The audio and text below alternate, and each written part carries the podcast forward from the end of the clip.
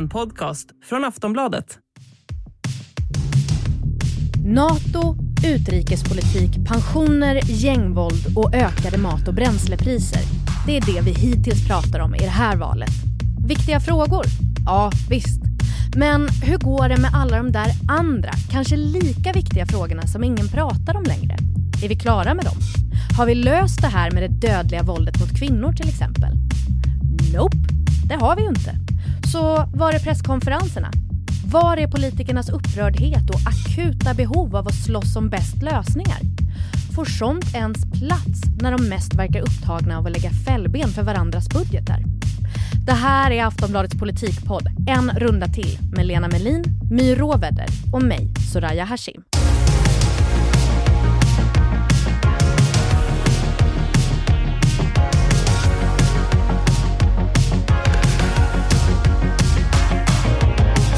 Lena och My, välkomna hem. Tack, kära du. Vi spelar ju in det här innan budgettjafset är klart i riksdagen. Så vill ni höra om det så får ni läsa det i tidningen, kära lyssnare. Men Lena och My, är det skönt att slippa prata om? Alltså jag tycker nog att det, skulle, det ska bli intressant att se en upplösning faktiskt. Jag tycker det är lite skönt att slippa prata om, ärligt talat. Eh, så här, jag, jag satt faktiskt och tänkte på alla frågor som inte kommer upp i politiken idag. Ni vet eftersom politikerna då håller på att försöka sabba för varandra i kammaren eller ska hålla på och tuppa sig om vem som är mest för NATO och så vidare. För det är ju såklart så att om allt fokus hamnar på en fråga så kommer ju en annan hamna i skymundan. Det är helt naturligt. Men den frågan kanske också är livsviktig. Men jag vill börja i andra änden med att fråga vilken fråga som är den absolut största i det här valet. För väljarna är det ju lag och ordning, klart och tydligt. Mm. Det har toppat listan jättelänge och det är jättestort hopp ner till fråga två. Trots krig och allt? Ja.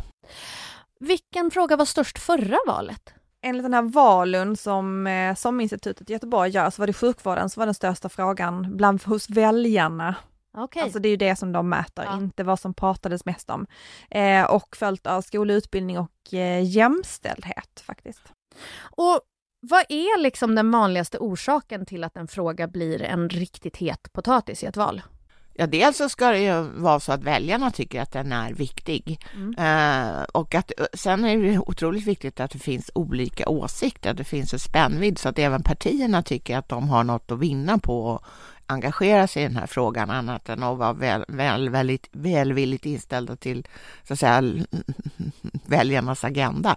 Det är ju de två viktigaste. Och sen att det kanske att det händer något på själva området. Alltså, ehm, det inträffar någonting som gör att det blossar upp extra. Ja men precis, för jag tänker det här att det finns en, en konflikt i en fråga gör ju också, som i NATO till exempel, det är ju inte en skitstor fråga, alla är överens. Ja, nu är det ju så. Det hade, om inte Socialdemokraterna och Sverigedemokraterna hade ändrat sig, så hade det ju förmodligen varit en stor valfråga. Men nu, nu kan det ju, kunde det ju läggas till handlingarna i och med att de två partierna anslöt sig till högeroppositionens, eller, eller rättare sagt till de borgerliga partiernas uppfattning. Och två, två partier stod då kvar vid den gamla åsikten och de är så pass små så att ja, de har inga att säga till om i den här frågan. Men, men jag tänker också att hur högt politikerna än ropar så måste ju någon svara. Hur stort ansvar har vi i medierna för att frågor lyfts eller inte lyfts? Det är ju en symbios, alltså precis som det vi har sagt här, att man gör mätningar, vad väljarna tycker är viktigt. Och det följer medierna ganska mycket när man sätter de här agendorna för vad man ska bevaka in, inför valet. Ja. Då baserar man dem ju väldigt hög grad på vad man har mätt att väljarna är intresserade av.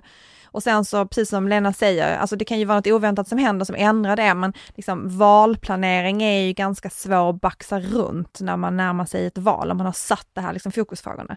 Så det är ganska mycket väljarna som bestämmer vad som blir viktigt. Det de låter mest om helt enkelt. Ja, vad de svarar i undersökningarna. Men det är, det är ju också symbios, eh, därför att väljarna kan ju tycka att en fråga är viktig därför att politikerna pratar mycket om den. Vi ska fokusera på frågorna som av någon anledning har försvunnit i bruset och här är några av dem som jag har hittat. LSS, hemlöshet, BB-krisen, utförsäkringar, segregation, spelberoende, trafficking, aktiv dödshjälp, ungas psykiska ohälsa, invandring, arbetslösheten, jämställdhet, äldreomsorg, bostäder, skola, klimat, miljö, integration, valfrihet i välfärden, skatter. Vi kommer alltså plocka ut några av de här bortglömda frågorna och titta på vad som händer med dem, varför det är så tyst om dem och vilka politiker som egentligen bryr sig mest. Och vi börjar med en ständigt aktuell fråga, nämligen det dödliga våldet mot kvinnor. Förra året dödades 14 kvinnor av män som de antingen var i en relation med eller hade varit i en relation med. Och nu när vi spelar in det här programmet så är den siffran redan uppe i 12 kvinnor för i år. Och jag upplever att det är så att våra politiker slåss verkligen om att vara de som tar tuffast tag mot gängvåldet. Och det är stenar som ska vändas, det är presskonferenser, justitieministern och statsministern uttalar sig ofta om den frågan. Men när såg ni senast en högt uppsatt politiker hålla en presskonferens eller debattera om kvinnorna som dödas? Ja, alltså förra sommaren såg vi flera sådana presskonferenser. Bland annat så presenterade regeringen den här listan 40 punkter för att motverka dödligt våld mot kvinnor. Ja precis, den har vi tagit upp tidigare ja. Mm. Um, och annars så är det ju en fråga som ändå tas upp av politiker, men kanske inte i de här stora debatterna. Eh, framförallt är det kanske på sociala medier som de tas upp. Jag vet att både Annie Lööf och eh, Märta Stenevi eh, eh, driver de här frågorna som liksom hjärtefrågor för dem verkligen. Så det beror väl kanske lite på vart man vänder sig om man känner att den här frågan pratas om eller inte pratas om. Det är ju inte så att den är helt bortraderad, för att Amina Kakabaveh har ju tagit upp den nu här under de här senaste turbulenta veckorna mm. och sagt att det, det måste det, det måste liksom högprioriteras. Ja, hon har ju verkligen använt sin taltid absolut. till att lyfta den frågan. Men det är ju inte den stora överskuggande frågan, det kan man ju inte säga. Nej, rätta mig nu om jag är helt ute och cyklar, men att, att eh, politiker skriver saker i so sina sociala medier, vilket jag vet att Annie Lööf till exempel gör om den här frågan, det smäller väl inte lika högt som att här, ta upp den i en debatt i tv eller i talarstolen i riksdagen? Ja men det dyker upp där också, men då är det ju mer att en enskild politiker säger någonting, alltså det är ju inte en del av debatten, det är inte så att jättemånga partier hakar på och pratar om det. Men det dels handlar det väl om att agendan inte riktigt finns där, så precis som Lena säger, så även om det tas upp så är det liksom inte det som är top of mind. Varför är det inte det? Sådana här saker eldas ju på av om det inträffar hemska, i det här fallet då väldigt hemska saker i verkligheten. Alltså mm. att det är något fall, det är någon kvinna som, som mördas av sin man eller kastas ut från balkongen av sin man eller någonting sånt. Mm. Då dyker det här upp, men inte för särskilt lång tid skulle jag vilja säga. Nej men precis, och det är lite det jag är inne på. Nu har vi ju redan 12 kvinnor i år som har råkat ut för exakt de här ödena du pratar om. Och ändå så är det, det är som små små punktinsatser när det kommer till hur mycket man pratar om det eller när man pratar om det. Men varför är inte det här en fråga som pratas om hela tiden? Varför har inte det lika mycket fokus som gängvåldet? Jag tycker det är lite svårt att jämföra med gängkriminaliteten. Ja. Alltså dels för att det är betydligt fler som skjuts än kvinnor som dödas. Mm. Och också att eh, det här är inte någonting som plågar samhället på samma sätt som liksom gängvåldet. Alltså det är ihopkopplat med många fler samhällsproblem. Integrationen, segregationen, utbildning, skola.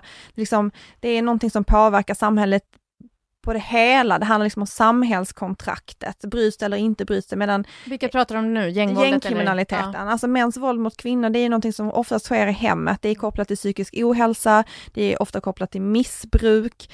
Eh, och jag skulle säga att även om det är alltså en, ett mord är ju lika hemskt oavsett i vilken kontext det sker, så har det liksom en lite annan koppling till samhället. Men det är ju det som är så märkligt, för jag tänker när man tittar på våldet mot kvinnor, så det går ju över alla samhällsklasser. Det går ju liksom, det, det finns ju överallt. Det spelar ingen roll om du är direktör på en bank eller om du liksom jobbar i kassan på ICA. Alltså, det händer ju överallt och det är ganska vanligt. Men jag tror också att det hör ihop med att det är en ganska komplex fråga och då räcker det liksom inte, eller alla inser att någon snitsig one-liner i en debatt, det, är inte, det kommer inte att vara allena saliggörande för detta väldigt komplexa område. Och sen tror jag ytterligare en sak och det är att det handlar liksom inom hem, ofta inom hemmets fyra väggar och där ja, där är det ju fortfarande så att det finns liksom en mur Mm. Det finns ju inte så mycket samhället kan göra egentligen som handlar om att liksom förebygga den här typen av händelser med tanke på att det ofta är psykisk ohälsa och missbruk. Nu menar jag dödligt våld mm. mot kvinnor, inte liksom våld mot kvinnor, för det är ju ett bredare problem som man behöver i så fall prata om liksom strukturer och man behöver prata om liksom mansideal och det, det, det är en helt annan diskussion, jag menar det dödliga våldet mm. nu. Mm. Och precis som Lena säger, det är ju mycket svårare att fånga upp det. Jag, jag tror att liksom steget från att man mår psykiskt dåligt till att det här händer, det är lite svårt att förutsäga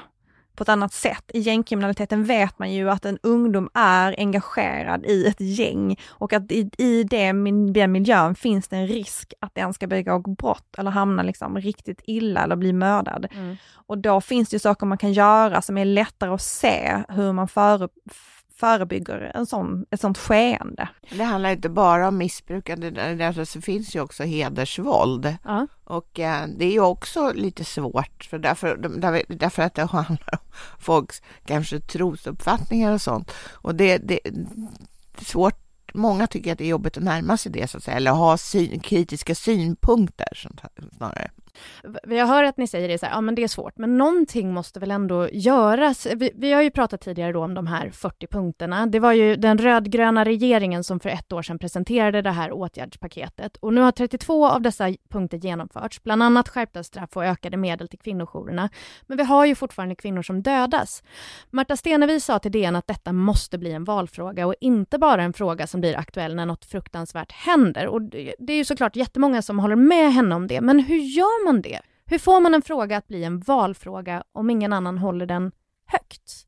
Jag tycker det där med, med det ekonomiska stödet till kvinnojourerna faktiskt är, eh, och till skyddade boenden i deras regi eh, är en bra, ett bra exempel, för där, det är ändå en ganska billig åtgärd från samhällets sida. Och det är en massa människor som är alltså, engagerade i de här kvinnojourerna på, på liksom någon slags ideell basis också. Inte alla får ju superhöga löner för att vara... Och där tycker jag det är ett typiskt bra exempel på när samhället inte gör någonting väldigt enkelt mm. för, för en väldigt billig penning. Istället för att de här ska vara livrädda för att de ska börja tvungas, tvungna att stänga så fort det blir ett årsskifte. Det är ju naturligtvis oerhört mycket bättre att de ha, känner att de kan ha en kontinuerlig verksamhet. Och där, eh, det är ju inget storvulet överhuvudtaget, men man kan tycka att jaha, varför har inte det blivit gjort? Sen kanske man ska sluta prata om det som en valfråga. Alltså Märta Stenevi kanske ska sluta säga att det borde vara en valfråga och istället bestämma sig för att det här är en politisk fråga vi pratar om. Och att politik varar ju, det är ju alltid, alltså Även mellan valen? Ja, 365 ja. dagar om året, även mellan valen, framförallt mellan valen och att det kanske inte är just i valrörelsen som det här behöver vara viktigt, när allting annat tar jättemycket plats. Utan det kanske är att man ska satsa på att tycka det är viktigt när annan politik puttrar på lite mer.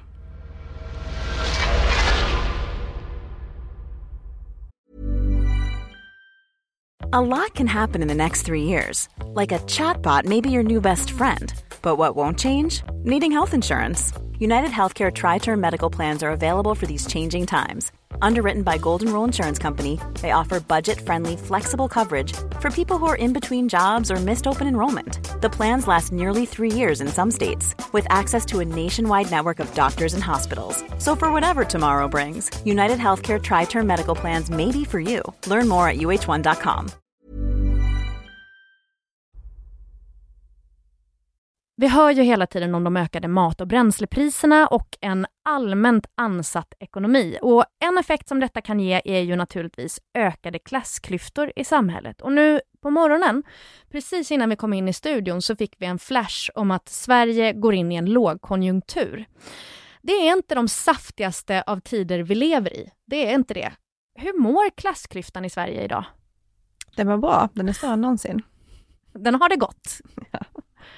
Absolut, och det är klart att en lågkonjunktur kommer att öka den eftersom arbetslösheten är ju den största klasskiljaren.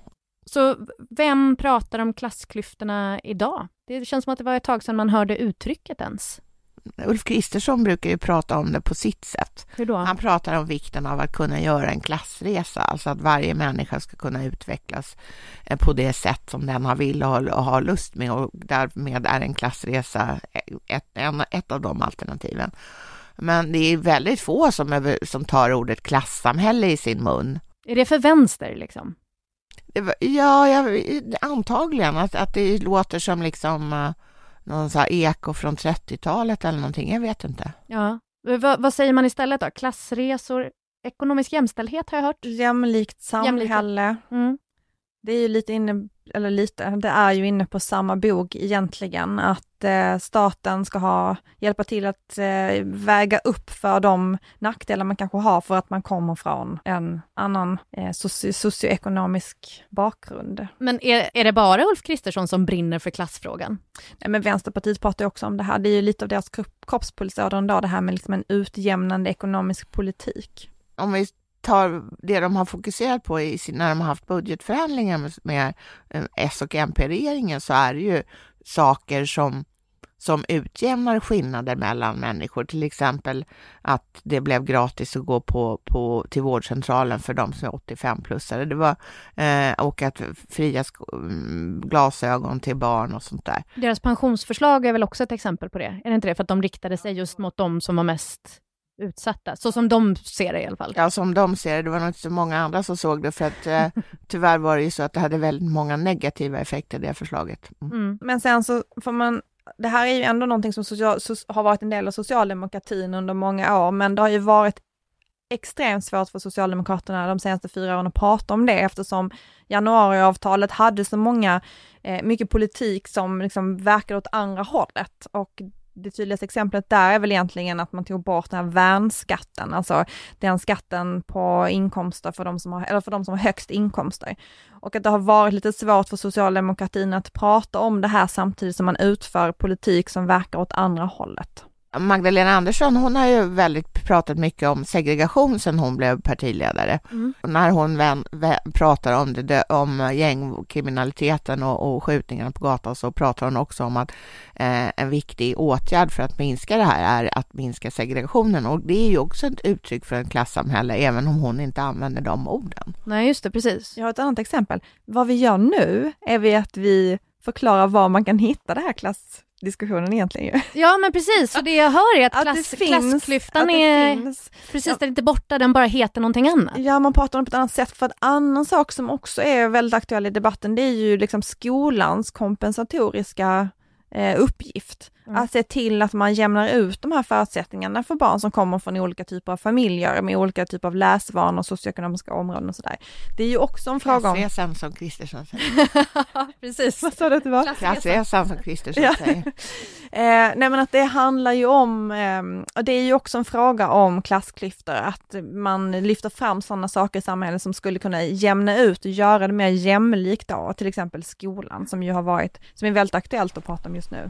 Men det, de flesta människor tänker på, tror jag, när man hör ordet klassamhälle, tänker på ekonomiska klyftor. Och där är det ju så att de har ju ökat kontinuerligt i närmare 30 års tid i Sverige. Och med enstaka hack, det var något här om året när klyftan så att säga minskade lite grann. Men egentligen är det en, en, en, inte helt rättvisande bild av utvecklingen, för det låter ju då som att det är vissa som rasar ner i en ravin och andra klättrar högre upp mot toppen. Men så är det inte, utan hela, om man ser svenska befolkningen som ett kollektiv, så har ju den fått det oerhört mycket bättre under den här tiden, så att alla har gått upp, men skillnaderna har ökat mellan de som står närmast eh, branten och de som har närmar sig toppen. Just det, så ravinen är inte riktigt lika djup längre. Nej. Nej. Vem skulle tjäna på att kapa den här frågan och göra den till sin? Jag tror alla skulle kunna tjäna på det, för att många människor känner sig ju som de, som de så att säga är klassförlorare. Visst, vi pratar en hel del om pensioner nu för tiden. Det är en tusenlapp hit och dit och, och vems eh, pensionslösning ska vi ta? Men om vi tittar på hur våra äldres liv ser ut. Under pandemin så tog sig coronasmittan snabbt in på landets äldreboenden och pekades ut som en anledning till att vi fick så höga dödstal. Men vad hände sen med äldreomsorgen och politiken kring den? Ja, men det är ju som att ibland så kan man, så är det så i Sverige att vi kan bara diskutera en sak och sen så ett tag och sen mm. så lägger vi det till handlingarna och då var äldreomsorgen eh, färdigdiskuterad när man har kommit fram till att det var ungefär tusen fel på den. Ja, vi är klara nu. Mm. Alltså, och då hade vi en lista på, här är alla fel. Så, ja, då, då, tar vi nästa fråga. Då tar vi en fika, vi är ja. klara nu. Men håller ni med om att äldreomsorgen är en bortglömd fråga? Ja, efter, alltså det var ju högaktuell under, under pandemin. Både, dels för att då folk dog som flugor, dels för att de helt lagvidrigt låstes in i sina egna bostäder och inte fick träffa en annan människa om de bodde på äldreboenden eller särskilda boenden. Men sen också för att alltså det uppenbarades så himla många fel, vilket manifesterades i Coronakommissionens första rapport som ju kom under själva pandemin. Mm. Och var, deras kritik var ju faktiskt förödande. Att det här är en fråga som liksom alltid är aktuell, men aldrig är aktuell. Alla är liksom någonstans överens om att det inte har funkat särskilt bra och då ska vi ändå säga att eh, i min familj personer har jobbat inom äldreomsorgen under många år, sedan 80-talet fram och tillbaka, så, så, säg, så har vi ändå pratat om att det har ändå blivit bättre i äldreomsorgen, för långvården och det systemet var ju fruktansvärt. Alltså, så det har ju ändå blivit bättre, men det liksom blir ändå inte riktigt bra och det kommer ju skandaler hela tiden. Eh, och man har liksom försökt, man har utrett det här så många gånger och redan när corona slog till så låg det en utredning om äldreomsorgen som var igång, där man liksom hade sett stora brister och det, jag pratade med den här utredaren eh, som var en gammal eh, metallbas och han var så himla upprörd över att det såg så hemskt ut. Och sen så gick vi in i pandemin och då utredde man det igen och igen och man kommer liksom till samma svar, att det funkar inte särskilt bra. Vad är problemen? Problemen är ju dels att det inte finns tillräckligt mycket pengar och att de som jobbar inom äldreomsorgen är dåligt utbildade och de har dåliga, en dålig arbetsmiljö och de har inte jättebra villkor för att jobba där. Så det är liksom... Och det leder till att de äldre som lever där har väldigt dåliga förutsättningar helt enkelt? Ja, men att också jobba, att det beror också på så här, om man är en eldsjäl, vilket ju många är som jobbar i omsorg, Eh, att det är det som gör skillnaden för att liksom arbetsmiljön och, och, förutsättningarna, de är så dåliga att man måste verkligen brinna för sitt jobb och göra det bättre än man har förutsättningar för, för att det ska bli bra. Och det är en bräcklig grund när någonting händer. Men sen var det ju också andra väldigt eh, grava saker som uppenbarades under pandemin och det, eh, och det handlar till exempel om vem som är medicinskt ansvarig. Alltså de, läkarna är ju då de finns ju inte i kommunal regi, de som driver de här särskilda boendena, utan de finns ju på regionplanet. Och eh, det finns ju många företag, alltså läkarföretag, som har gjort sig ganska grova pengar på helt enkelt nästan bli som en egen myndighet fast de inte är det. Och, och vilket parti tänker ni skulle tjäna på att, att bli liksom de äldres skyddsängel? Att bli den som verkligen driver den här frågan om att våra äldre ska ha det bättre? Men det är det här Kristdemokraterna försöker göra. Och mycket inom pandemin handlade ju om det här, hur, liksom, hur är det här systemet uppbyggt? Precis som Lena säger, det här, det här var ju liksom helt skandalöst egentligen, där det visade sig att den här uppdelningen på att kommuner inte får anställa läkare var liksom en livsfarlig cocktail egentligen för gamla, för att man inte hade en tydlig kontakt med en läkare och särskilt under pandemin då, när man behövde eh, liksom läk- eh, sjukvårdande insatser. Eh, men det är ju Kristdemokraterna som säger det här att man vill avskaffa regionerna, göra det liksom tydligare vem som är ansvarig för sjukvård i landet. Men är det någon annan som borde ge sig in i den leken också? Men alla borde göra det. Det här är ju, alltså äldreomsorgen är en kommunal fråga, så egentligen borde det finnas ett intresse hos alla kommuner, för alla kommuner, alla partier är med någonstans och styr i kommunerna. Ja, alltså Ekot gjorde en enkät med 1700 kommunpolitiker eh, och det var nu under våren och då listades äldreomsorgen som den viktigaste frågan efter skolan. Varför är den inte uppe på riksnivå? Alltså jag måste säga att jag tyckte ju faktiskt att den var det under pandemin, men just nu så på, på något sätt så det som krävs är naturligtvis vissa lagändringar säkerligen. Men det som krävs är ju till exempel att kommunerna blir mycket bättre arbetsgivare. Men ska det krävas en pandemi för att vi ska prata om den här frågan? Hur, långt inne, hur, hur lång tid tar det innan liksom vi pratar om den igen på riktigt? Ja, då tror jag tyvärr att det måste vara ny, någon ny skandal någonstans som Koppargården för ja, hur många år sedan det var nu, eller att folk dör som flugor som under pandemin och sådär. Det är ju fruktansvärt. Alltså det är ju hemskt att, att folk ska behöva dö för att vi ska prata om en fråga, eller för att politikerna ska liksom på riktigt lyfta en fråga. Ja, men eh, ibland är vi människor, tänker att vi tar det där imorgon om inte det står någon och bankar på dörren.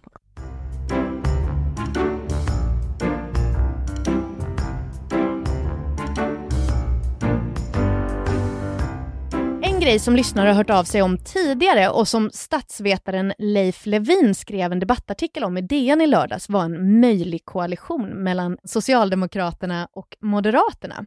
Låt mig citera ur detta debattinlägg. En bred koalition mellan socialdemokrater och moderater kan behövas för att ge svensk politik det lugn landet behöver. Jag är jättenyfiken på vad ni tänker kring detta. Alltså, vad skulle krävas för att detta någonsin skulle bli verklighet? Ja, då en betydligt värre kris än den nuvarande Ukraina med Ukraina-kriget. Dessutom är det så att alltså det är helt om, det är emot båda dessa partiers inre liv. De har ju nu i liksom årtionden utman, eh, utmålat varandra som de värsta förstörare av Sverige. Mm. Att de då plötsligt skulle säga, nej men vi hade fel. Uh, utan de är jättebra de här också, så jag, jag tror att nej, nu ska jag samarbeta med dem. Det går inte. Dessutom finns det ett tredje argument emot och det är nämligen att i förra valet, och då vet vi inte hur det blir i nästa, då hade de där partierna inte 50 procent ihop. Mm. Så då, det var ingen stadga överhuvudtaget där. Jag tror att det är Leif Levin som behöver lugn och ro kanske. Är det det? Inte landet. Han, det är han som är i behov och nu skriver han en debattartikel. Men alltså, de har ju ändå visat vissa tendenser till liksom, kärlek mellan sig där under NATO och sådär. Alltså när det snackades men, NATO. Men det där är Sverige, svensk politiks bäst bevarade hemlighet. Att när det verkligen gäller så gör sossarna och moderaterna alltid upp. Så är det. Det kommer alltid, så vitt jag kan förstå så kommer det alltid att för, för, för, förbli så också. Och, um, det här är sprängstoff, Lena. Nej, jo. det är allmän kunskap. Mm. men men eh, det, det, det är bara det att de kanske inte torgför det så himla noggrant. Men de skulle inte kunna göra upp så pass mycket att de skulle kunna sitta i, i styret tillsammans? Jo, alltså i en jättekris, precis som under andra världskriget, då var det samlingsregering med alla partier, de dåvarande riksdagspartierna utom, utom eh, kommunisterna. Så det är klart att de skulle kunna göra det, men, men inte under några, alltså inte under de förhållanden som är, som är nu. Så vad skulle vara de största fördelarna med om eh, Moderaterna och Socialdemokraterna gifte sig med?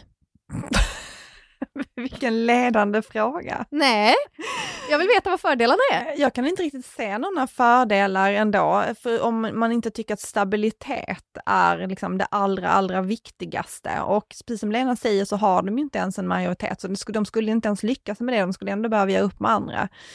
Eh, och sen så är det ju alltid så här att om det skulle vara så att de hade majoritet, då tycker jag att man, eller då utmanar man ju liksom det demokratiska systemet på ett sätt, att man gör en så här, en, en bred koalition bara för att ha makt, fast man egentligen inte alls kommer överens, utan att man eh, det är ju det som man, de har sagt nu om januariavtalet, att det liksom har varit en demokratisk fiffel. Ja. Eh, nej men att det här att man inte kan rösta bort då, ett styre, hur man än gör. Men alltså Annie Lööf inte... skulle väl bli glad, den här jätte, jättebreda mitten i så fall skulle ju hon få. Ja, men hon blir väl bara glad om hon får vara med. Ja, i och för sig. sen, är, sen finns det en, ett annat inneboende problem. Jag tror att faktiskt att det skulle vara rätt svårt att under förhållanden som inte är extremt krisartade få en sån där regering att hålla ihop eftersom regeringen fattar kollektiva beslut och att då hålla ihop, säg tio sossar och tio moderater i alla, alla upptänkliga frågor. Jag tror inte det är superlätt. Det, det känns inte som att det står i stjärnorna, nej. Det, gör det, det finns inte. ju alltid ett kommunalt exempel. Ja, berätta. Ja. Eh, det finns ju flera kommunala exempel med SOM, men det finns ett roligt exempel från min hembygd och det är att i Tomelilla kommun så har man gjort så här att man styr moderater och socialdemokrater tillsammans. Eh, men eftersom man precis som på riksplan inte kommer överens egentligen ideologiskt eller om saker och ting eh, i liksom på bredden, så har man bestämt sig att man styr tillsammans, att det ena partiet styr i två år mm. och då stöttar det ena partiet allting den vill bestämma och sen byter man och sen styr det andra partiet i två år och så hjälper de andra till och ser till att man får igenom sin politik. Det är dealen. Men, men blir det inte bara att man så här återkallar beslut hela tiden? Socialdemokraterna bestämmer någonting i två år, sen kommer Moderaterna och tycker alla era beslut var skit, vi river upp dem.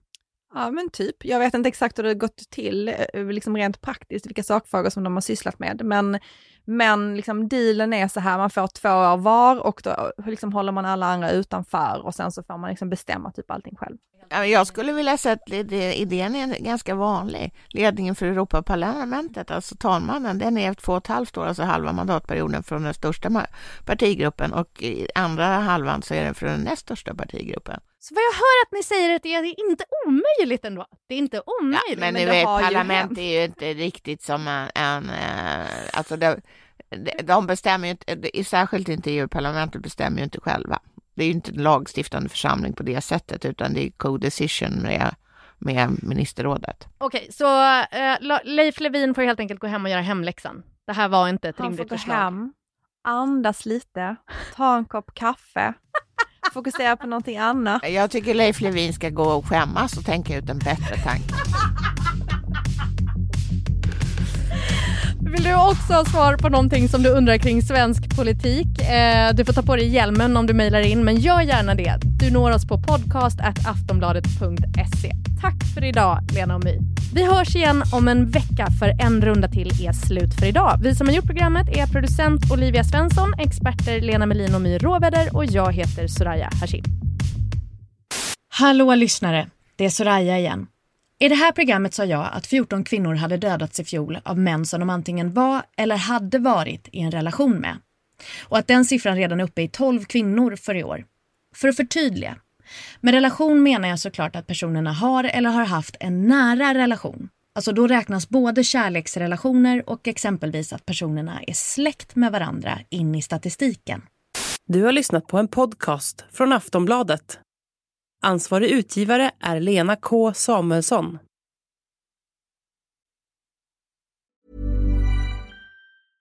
Ryan Reynolds here from Mint Mobile.